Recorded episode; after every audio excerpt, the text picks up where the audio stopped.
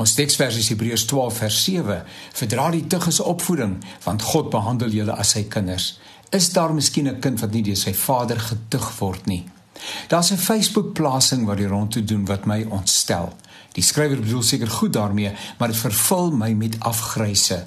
Die plasing het met vermaaning en tug te doen en die foto wat daarmee saamgeplaas word is die van 'n pa, uh, so vermoed ek, wat 'n seentjie wat niks ouer as 2, maksimum 3 jaar oud kan wees, op sy skoot tel en 'n loosing gee. Nou dis hoe ek groot geword het. My pa het nie geskroom om ons pak slaag te gee nie, want dis hoe hy geleer het en hoe hy groot gemaak is. Miskien het dit toe gewerk, maar ons het daarom seker ter hierdie tyd 'n verwysingsraamwerk wat breër is as om oortredings, ons kinders oortredings met geweld te begroet. Dat kinders struktuur nodig het is ongetwyfeld so. Dat kinders moet kan onderskei tussen reg en verkeerd is belangrik. Dat kinders verantwoordelikheid, respek, dissipline ensovoorts moet leer, kan nie betwyfel word nie. Dat ouers 'n verbondsverantwoordelikheid het, ons kinders aan die hand van God se woord moet begelei, staan soos 'n paal bo water. Dat elke oortreding met 'n loosing, die plathand begroet moet word, is egter onhoudbaar.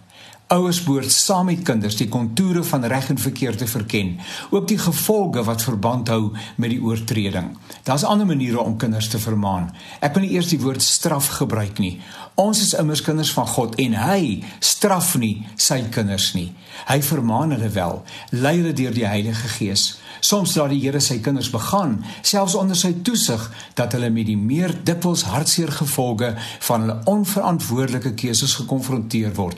God slaan nie. Jesus is klaar geslaan en die Here is altyd daar selfs wanneer ons val.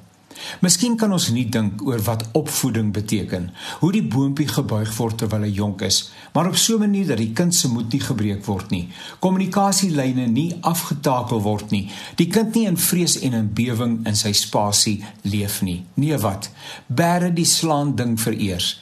Jy wat moedeloos is met jou kind, het jy al oor hom en vir hom desnoods saam met hom gebid.